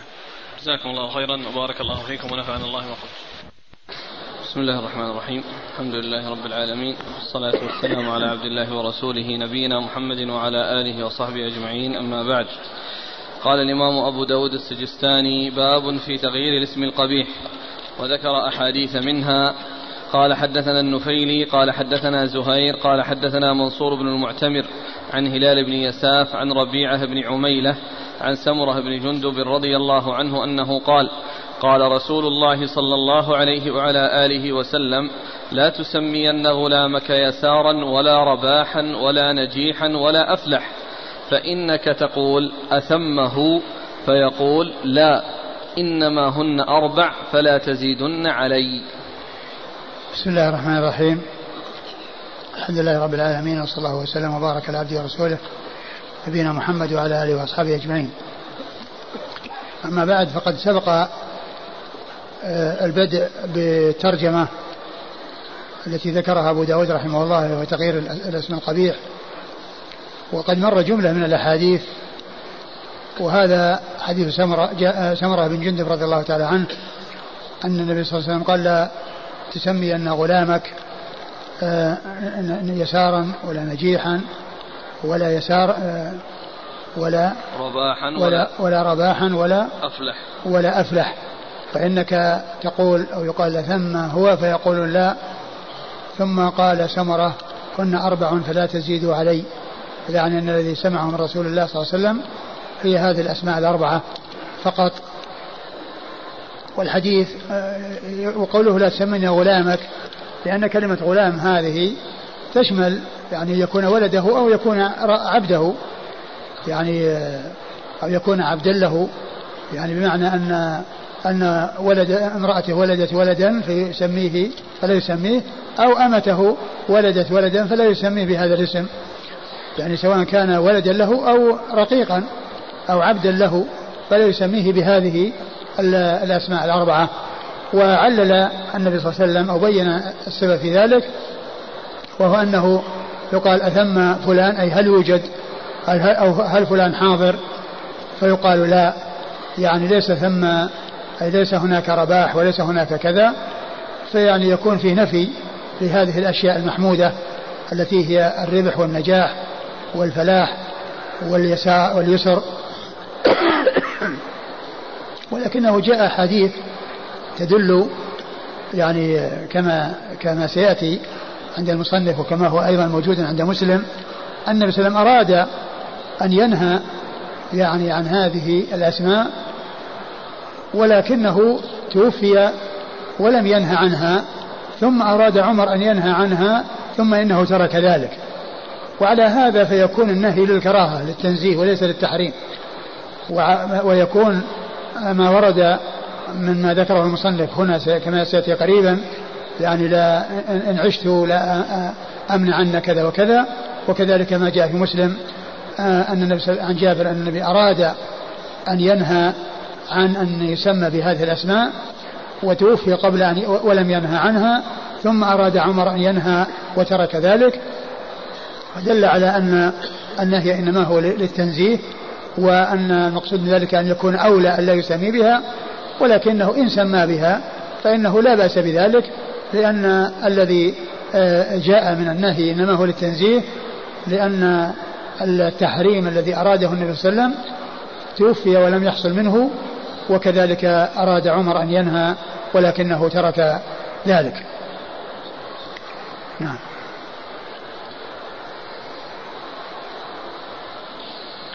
قال حدثنا النفيلي النفيلي عبد الله محمد النفيلي ثقة أخرجه البخاري ومسلم أخرجه البخاري وأصحاب السنن.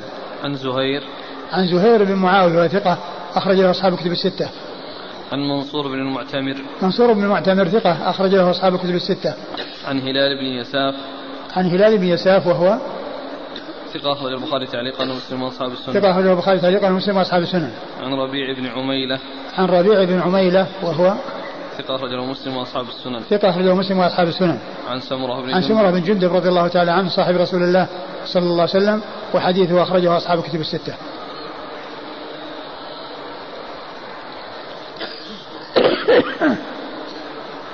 قال حدثنا أحمد بن حنبل قال حدثنا المعتمر قال سمعت الركين يحدث عن أبيه عن سمرة رضي الله عنه أنه قال نهى رسول الله صلى الله عليه وعلى آله وسلم أن نسمي رقيقنا أربعة أسماء أفلح ويسارا ونافعا ورباحا. ثم أرد أبو داود الحديث من طريق أخرى وفي ذكر الرقيق وهو داخل تحت اسم الغلام الذي مر لأن الغلام يشمل الرقيق ويشمل الولد لأن المولود يقال له غلام مثل ما قال النبي صلى الله عليه وسلم في الحديث الذي مر ذكره بالأمس في يعني في التسميه بأسماء الأنبياء. قال عليه السلام ولد الليلة لي غلام وسميته باسم أبي إبراهيم. ولد الليلة لي غلام وسميته باسم أبي إبراهيم. فالغلام يطلق على الحر والعبد. المولود يعني سواء كان حرا أو عبدا يقال له غلام. وهنا وذاك لفظ يشمل الحر والعبد. وهذا الطريقة الثانية فيها التنصيص على العبد الذي هو بعض ما يندرج تحت لفظ الغلام. وفيه ذكر هذه الأربعة التي هي رباح وأفلح ويسار و نافع. ونافع. نافع ما مر في الإسناد الجراح لا. نعم. قال حدثنا أحمد بن حنبل أحمد بن حنبل أحمد بن محمد بن حنبل الشيباني الإمام الفقيه المحدث أحد أصحاب المذاهب الأربعة المشهورة من مذاهب أهل السنة وحديثه أخرجه أصحاب الكتب الستة. عن المعتمر عن الركين. المعتمر بن سليمان بن طرخان التيمي ثقة أخرج له أصحاب الكتب الستة. عن الركين ابن آآ آه، آآ آه، ابن الربيع بن عميلة الذي هو شيخ هلال هلال بن يساف في الإسناد السابق. يعني هنا يعني أبو الركين هو شيخ هلال بن يساف في الإسناد السابق. وهو ثقة أخرج له الركين. البخاري في المفرد ومسلم وأصحاب السنن. ثقة؟ نعم. أخرج له؟ البخاري في المفرد ومسلم وأصحاب البخاري في المفرد ومسلم وأصحاب السنن. عن, عن أبيه وهو ابن عميرة الذي مر في السنة السابق. عن سمرة وقد مر أيضا. يسمى الابن توفيق تفاؤلا أن يوفق. فهل في هذا الاسم؟ والله يعني يعني يبدو الله أعلم أنه ما في بأس إن شاء الله. ورابح مر معنا رباح لكن رابح. وكما لا علم حتى رباح. أقول حتى رباح. قلنا يعني هو تنزيه الذي ورد في الحديث وليس للتحريم. لأن الرسول ما حرم هذا. إيه لكن الإنسان يريد أن يترك حتى المكروهات. أما من ناحية أما من ناحية الأولوية فمعلوم أن الأسماء كثيرة وغير اسم توفيق أولى منه. يعني بدل نسمي توفيق يسمي عبد الله ولا عبد الرحمن ولا عبد العزيز ولا عبد الكريم ولا غير ذلك من الأسماء التي ما يحتاج إلى أن يسأل عنها. ما يكون في نفسه شيء حتى يسأل. لأن الإنسان ما يسأل عن شيء إلا وهو غير مرتاح. فالأولوية كما هو معلوم بابها واسع.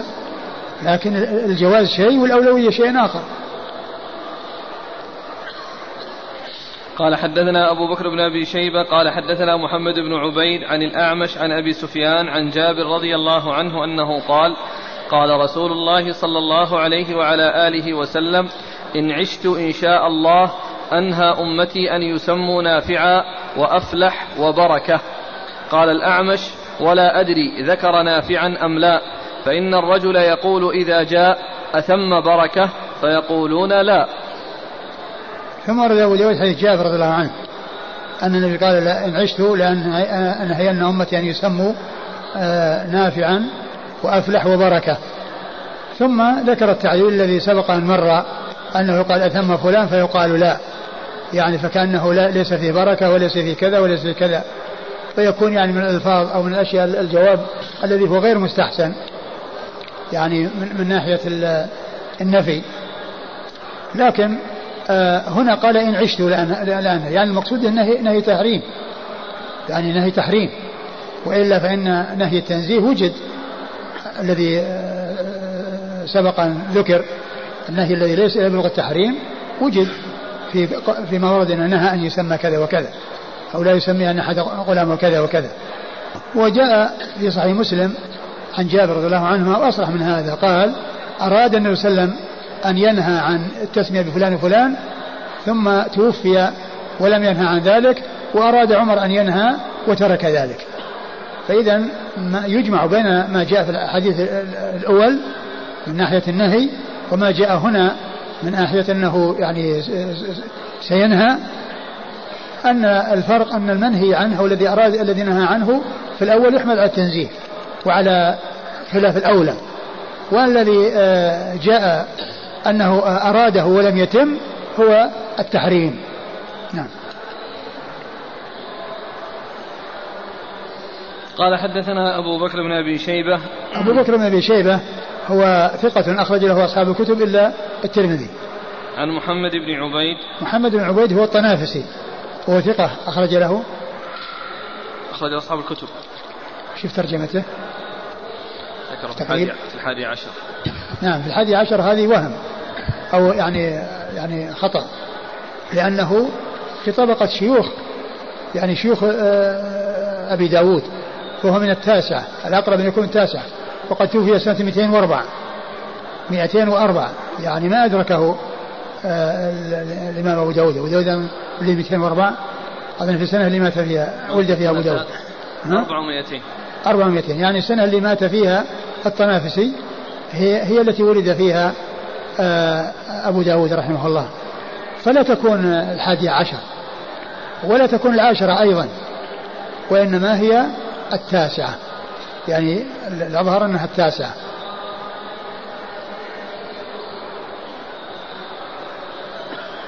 في شيء ولا خلاص؟ لا. هو في التقريب قال الحادي عشر وتوفي سنة 204 ولا شك في الحادي عشر هذا وهم. يعني عاد أما من الحافظ أو من أو من الطابعين لا أدري. ولكن المناسب أن يكون من التاسعة لا من العاشرة ولا من الحادي عشر.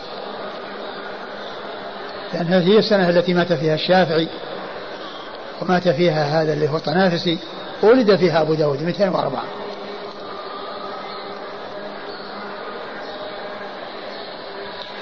عن الأعمش الأعمش هو سليمان بن مهران الكاهلي الكوفي. ثقة أخرجه أصحاب كتب الستة. ومن المعلوم أن أن يعني من يسمى محمد بن عبيد عدد. يعني ففيه من طبق الشيخ أبو داو أبي داود محمد بن عبيد المحاربي ومحمد بن عبيد بن حساب. ويأتي ذكرهم لا سيما بن حساب فإنه يتكرر ذكره. ويأتي ذكر محمد بن عبيد فقط وهنا محمد بن عبيد. يعني فهذا يسمى في المصطلح المتفق المتفق والمفترق. وإذا تتفق أسماء الرواة وأسماء آبائهم وتختلف أسماء يعني آباء آبائهم أو أجدادهم. يعني فهنا محمد بن عبيد يطلق على بعض شيوخ أبي داود وهم المحاربي وابن حساب وعلى شيخ شيخه أو أو شيخ شيوخه وهو محمد بن عبيد الطنافسي. مثل ما مر بنا محمد بن سلمة المرادي ومحمد بن سلمة الحراني الباهلي لأن محمد بن سلمة المرادي يعني هذا في من طبقة شيوخه ومحمد بن سلمة الباهلي هذا شيوخ شيوخ نعم. عن الأعمش. نعم. عن الأعمش. عن أبي سفيان. عن أبي سفيان طلحة بن نافع وهو ثقة أخرج له. صدوق أخرج له أصحاب الكتب. صدوق أخرج له أصحاب الكتب الستة. عن جابر بن عبد الله الأنصاري رضي الله تعالى عنهما وهو الصحابي الجليل آه، أحد السبعة المعروفين بكثرة الحديث عن النبي صلى الله عليه وسلم. قال أبو داود روى أبو الزبير عن جابر عن النبي صلى الله عليه وآله وسلم نحوه لم يذكر بركة. ثم قال أبو داود هذا الأثر المعلق أو الحديث المعلق روى قال أبو داود روى روى أبو الزبير. أبو الزبير محمد بن مسلم بن تدرس المكي صدوق أخرج له أصحاب كتب الستة. عن جابر رضي الله عنه ولم يذكر بركة يعني ذكر الأسماء الباقية. يقول المنذري هذا فيه نظر فإن الحديث في مسلم فيه بركة. يعني بالنسبة لطريقة ابن الزبير؟ إيه؟ يقول شو يقول المنذري؟ والذي قاله أبو داود رضي الله عنه في حديث أبي الزبير فيه نظر. وقد أخرج مسلم الحديث في صحيح من حديث ابن جريج عن أبي الزبير وفيه أراد النبي صلى الله عليه وآله وسلم أن ينهى أن يسمى الغلام بمقبل وبركة. الحديث. آه كما هو معلوم يعني هذا في رواية أبي داود وأما ذاك في رواية مسلم. إيه فقد أخرج مسلم الحديث في صحيحه. نعم. إيه لكنه الآن هذا هذا كلام أبي داود. ورواية أبي داود ما هو برواية مسلم. يعني مسلم معلقة هي الآن يقول روى أبو الزبير. صحيح لكن ما دام أنه الآن هذا الذي ذكره أبو, أبو داود يعني هذا هو الذي عنده. أقول هذا هو الذي عنده وأما ذاك عند مسلم. لأنه قال لم يذكر بركة يعني عنده في إسناده هو. غير إسناد مسلم. لكن من ناحية الواقع أو يعني مثل ما ذكر المنذري بركة موجودة في هذا الطريق لكن عند مسلم. وأما عند أبي داود ما فيها بركة. ما في لفظ بركة. أو اسم بركة. يعني من ناحية ثبوتها وكونها يعني جاءت في طريقة الزبير هي موجودة في مسلم. لكن في إسناد أبي داود وفي الحديث الذي رواه أبو داود ما فيه ما في ذكر بركة. قال حدثنا أحمد بن حنبل قال حدثنا سفيان عن أبي الزناد عن الأعرج عن أبي هريرة رضي الله عنه يبلغ به النبي صلى الله عليه وآله وسلم قال أخنع اسم عند الله تبارك وتعالى يوم القيامة رجل تسمى ملك الأملاك. قال أبو داود رواه شعيب بن أبي حمزة عن أبي الزناد بإسناده قال أخنى اسم. ثم ورد أبو داود حديث أبي هريرة رضي الله عنه أن أخنى اسم عند الله يوم القيامة رجل تسمى ملك الأملاك. تسمى ملك الأملاك وملك الملوك. لأن هذا لا يصلح إلا لله عز وجل وهو ملك الملوك. وأما المخلوق لا يقال ملك الملوك وإنما يقال ملك يمكن يقال ملك مثل ما جاء وقال الملك. وقال الملك ائتوني به كما جاء في قصة العزيز في سورة, سورة يوسف. لكن كلمة ملك الملوك هذا هو الذي قال إن أخنع يعني أذل. يعني يعني معناه أنه يعني آه يعني معناه أنه يكون في في في ذلة. مثل ما زعم العزة وأنه ملك الملوك فيصير يعني بالعكس يوم القيامة. يعني هذا التعالي وهذا الترفع وهذا الزعم الباطل يعني يستبدل بالإهانة والذلة. وفي لفظ أخنى آه، اسم يعني بدل أخنع. وهو معناه أسوأ. أفحشه وأقبحه. من الخنا. أفحشه وأقبحه. من من الخنا. وهو الفحش. والفحش. نعم. وهذا يدل على أن ومثل ذلك يعني ما هو موجود في لسان العجم بدل ملك الملوك شاه شاه لأن شاه لأن شاه شاه هي ملك الملوك. يعني عند العجم. نعم. قال حدثنا أحمد بن حنبل عن سفيان بن عيينة. أحمد بن حنبل مر ذكره سفيان بن عيينة المكي ثقة أخرج له أصحاب كتب الستة. عن أبي الزناد. أبو الزناد هو عبد الله بن ذكوان المدني ثقة أخرج له أصحاب كتب الستة. عن الأعرج. الأعرج عبد الرحمن بن هرمز الأعرج ثقة أخرج له أصحاب كتب الستة. عن أبي هريرة رضي الله عنه وقد مر ذكره. يبلغ به النبي صلى الله عليه وسلم. وكلمة يبلغ به النبي صلى الله عليه وسلم آه يعني معناه أنه مرفوع إلى رسول الله صلى الله عليه وسلم. والذي يظهر أن التعبير بمثل هذه العبارة التي يقولها من دون أبي هريرة يعني كأنه يكون غير جازم بالصيغة التي رفعه بها رسول الله صلى الله عليه وسلم. هل قال سمعت رسول الله صلى الله عليه وسلم؟ أو يقول قال رسول الله صلى الله عليه وسلم؟ أو قال عن رسول الله صلى الله عليه وسلم؟ فإذا قال يبلغ به النبي صلى الله عليه وسلم صارت محتملة لهذه الأمور كلها. ومثل ذلك قولهم ينميه ينميه يعني إلى الرسول أو يرفعه إلى رسول الله أو مرفوعا لأن مثل هذه العبارات يعني ما فيها التنصيص على الصيغة المحددة التي قالها الصحابي عندما روى الحديث عن رسول الله صلى الله عليه وسلم. فإذا لم يضبط الراوي سواء الراوي عن أبي هريرة أو من دونه فإنه يأتي بعبارة تثبت الرفع دون أن يكون آه، محددا لشيء وهو غير جازم به. وهذا يدلنا على دقة المحدثين وعنايتهم نعم. قال أبو داود رواه شعيب بن أبي حمزة عن أبي الزناد. شعيب بن أبي حمزة الحمصي ثقة أخرج له أصحاب كتب الستة. عن أبي الزناد وقد مر ذكره.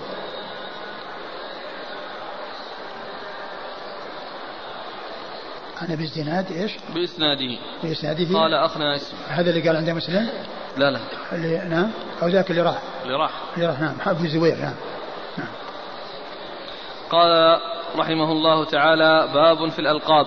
قال حدثنا موسى بن إسماعيل قال حدثنا وهيب عن داود عن عامر قال حدثني أبو جبيرة أبو جبيرة بن الضحاك قال فينا نزلت هذه الآية في بني سلمة.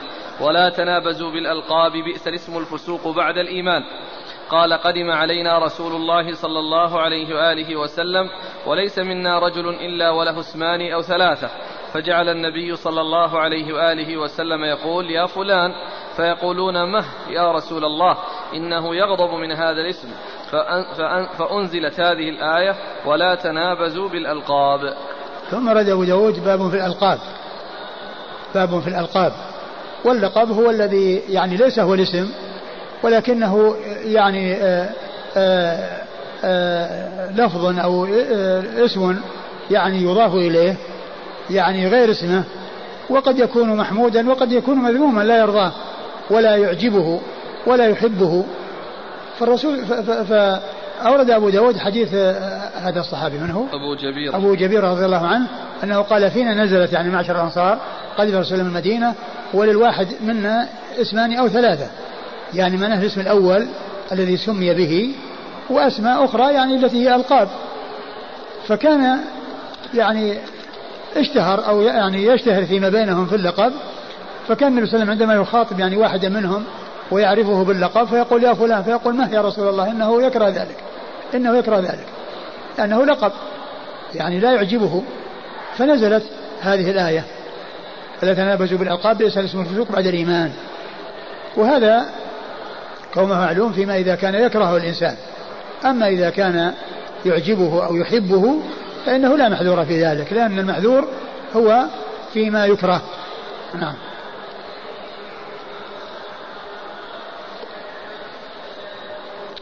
قال حدثنا موسى بن إسماعيل ومن المعلوم ان ان ان, أن الألفاظ التي تضاف إلى الشخص اسم ولقب وكنية. اسم ولقب وكنية. فالاسم هو الذي يسمى به عند الولادة والتكنية هي التي يكنى به قلبه فلان سواء ولد له ولم يولد له وقد يكنى وهو صغير كما سيأتي في حديث أبي عمير. يا أبا عمير ما فعل النغير.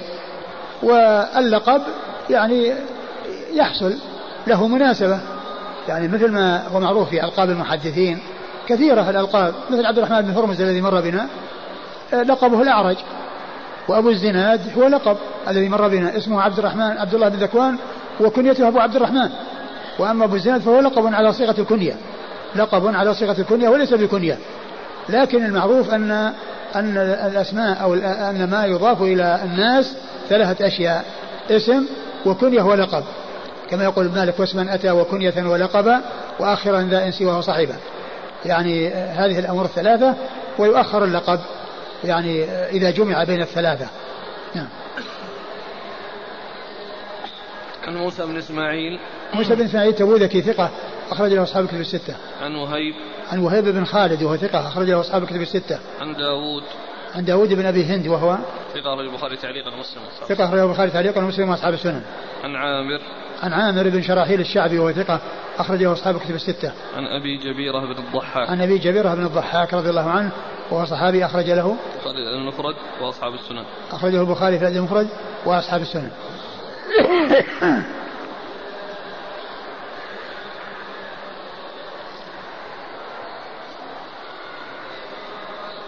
قال رحمه الله تعالى باب في من يتكنى بأبي عيسى قال حدثنا هارون بن زيد بن أبي الزرقاء قال حدثنا أبي قال حدثنا هشام بن سعد عن زيد بن أسلم عن أبيه أن عمر بن الخطاب رضي الله عنه ضرب ابنا له تكنى أبا عيسى وأن المغيرة بن شعبة رضي الله عنه تكنى بأبي عيسى فقال له عمر أما يكفيك أن تكنى بأبي عبد الله؟ فقال إن رسول الله صلى الله عليه وآله وسلم كناني فقال إن رسول الله صلى الله عليه وآله وسلم قد غفر له ما تقدم من ذنبه وما تأخر. وإنا في جلجتنا في جلجتنا فلم يزل يكنى بأبي عبد الله حتى هلك. ثم ورد أبو داود باب في التكني بأبي عيسى. يعني بهذا الاسم بالذات الذي هو أبو عيسى. ولعل المقصود من ذلك هو الإشارة إلى عيسى بن مريم عليه السلام وأنه ليس له أب. وأن الإنسان الذي يكني أبو عيسى يعني يكون فيه يعني هذا يعني مشابه لشيء يعني غير صحيح ولا وجود له. وأورد أبو داود حديث عمر بن الخطاب رضي الله عنه. أو يعني حديث أو حديث المغيرة بن شعبة بالنسبة للمرفوع. لأن المرفوع هو عن عن المغيرة بن شعبة. وعمر رضي الله عنه له ال له ال الأثر. عمر رضي الله عنه له الأثر ولكن الحديث هو عن المغيرة بن شعبة. فعمر رضي الله عنه ضرب غلاما له كان نفسه أبا عيسى. أبا عيسى. وكذلك أيضا آه، المغيرة كان يكن أبا عيسى فقال فقال له عمر رضي الله عنه إيش قال؟ أوله أن عمر ضرب ابنا له تكنى بأبي عيسى. نعم. وأن المغيرة تكنى بأبي عيسى. وأن المغيرة تكنى بأبي عيسى. يعني معناه أن كنية أبو عيسى. ف فقال له عمر أما يكفيك أن تكنى بأبي عبد الله؟ يعني كأن له شهرة كنية ثانية. يعني كان أبو عيسى وأبو عبد الله. ومعلوم أن الشخص قد تكثر كناه. قد وقد تتعدد كناه. فيقال يعني فلان أبو فلان. وقد وقد يكون السبب في ذلك أنه كني يعني ولم يولد له قبل أن يولد له كما يحصل من تكنية الصغار ثم ولد له فصار يكنى بأكبر مولود. وقد يكون يعني كني بمولود ولكنه في الأول أول ما ولد تكنى به ثم مات ثم ولده مولود آخر وصار مشهورا عند الناس فصار يكنى به. الحاصل أن التكنية تتعدد وتتكرر. وكأن المغيرة رضي الله عنه كان له هذه الكنية. ومثل عثمان بن عفان رضي الله عنه كان يكنى أبو عبد الله ويكنى أبو عمرو. وهو مشهور بكنية أبو عمرو. وكان يكنى بأبي عبد الله يعني لأن لأنه آه، ولد له من من بنت النبي صلى الله عليه وسلم. يعني إحدى زوجتيه أم كلثوم أو رقية لهم الرقية. ويعني وقد قال ذكر أنه نقره ديك في عينه ومات يعني بسبب ذلك. فكان يقال له أبو عبد الله ويقال له أبو عمرو ولكنه مشهور بكنيته أبو عمرو اللي هو عثمان بن عفان. فالحاصل أن الكنية تتكرر. فالمغيرة بن شعبة يعني قد يكون مكنن بهذا ومكنن بهذا وعمر رضي الله عنه أراد أن يحتفظ بكنية أبي عبد الله وأن يترك كنية أبي عيسى. ولكن ولكن المغيرة قال كناني بذلك الرسول صلى الله عليه وسلم. ومعنى ذلك أنه سائق التكنية بأبي عيسى. ما دام الرسول صلى الله عليه وسلم هو الذي كناه فإذا هو سائق. ويكون عمر رضي الله عنه يعني آه، أراد يعني ما هو الأولى وما هو الأفضل وأن يجتنب مثل هذا اللفظ. يعني من باب الأولى لا من باب التحريم ما دام أن الرسول صلى الله عليه وسلم كناه وقال فهذا يدل على على جواز التكنية ثم أيضا الأصل جواز التكنية الأصل جواز التكنية حتى يأتي شيء يمنع ولم يأتي شيء عن النبي صلى الله عليه وسلم يمنع من ذلك. بل جاء ما يدل على جواز ذلك في هذا الحديث عن المغيرة. ولكن عمر رضي الله عنه رأى أن أن الأولى أن يكون يكنى بعبد الله بابنه بأبي عبد الله يعني بدلا من أبي عيسى وأن هذا هو الأولى. فقال أن النبي كناني. إن رسول الله صلى الله عليه وسلم كناني. فقال إن رسول الله صلى الله عليه وسلم قد غفر له ما تقدم من ذنبه وما تأخر وإن في جلجتنا. وإن في جلجتنا فسرت بأن في أناس يعني من أمثالنا يعني لا ندري يعني ما حالنا ولكن آه، يعني هذا محمول على الأولى كما قلت.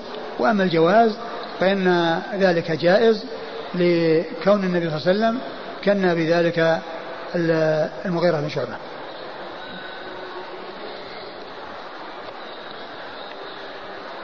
قال فلم يزل يكنى بأبي عبد الله حتى هلك. نعم. كأنه استجاب إلى ما ذكره له عمر؟ لا يعني كأن الناس يعني كأن الناس يعني بعد ذلك صاروا يخاطبونه بهذا. نعم. قال حدثنا هارون بن زيد بن أبي الزرقاء. هارون بن زيد بن أبي الزرقاء صدوق أخرج له. أبو داود النسائي أبو داود النسائي عن أبيه وهو ثقة. أخرج أبو داود النسائي نعم. أبو داود النسائي عن هشام بن سعد. عن هشام بن سعد وهو ثقة. صدوق له اوهام هو صدوق له اوهام أخرج له. البخاري تعليقا ومسلم وأصحاب السنن البخاري تعليقا ومسلم وأصحاب السنن عن زيد بن أسلم. عن زيد بن أسلم وهو ثقة. أخرجه أصحاب الكتب الستة. عن أبيه. عن أبيه أسلم العدوي وهو ثقة. أخرجه أصحاب الكتب الستة. عن عمر. عن عمر بن الخطاب رضي الله تعالى عنه أمير المؤمنين. وثاني الخلفاء الراشدين الهادي المهديين صاحب المناقب الجمة والفضائل الكثيرة فحديثه أخرجه أصحاب الكتب الستة. عن المغيرة بن شعبة رضي الله تعالى عنه وهو صحابي أخرج حديثه أصحاب الكتب الستة لأن المرفوع هو عن المغيرة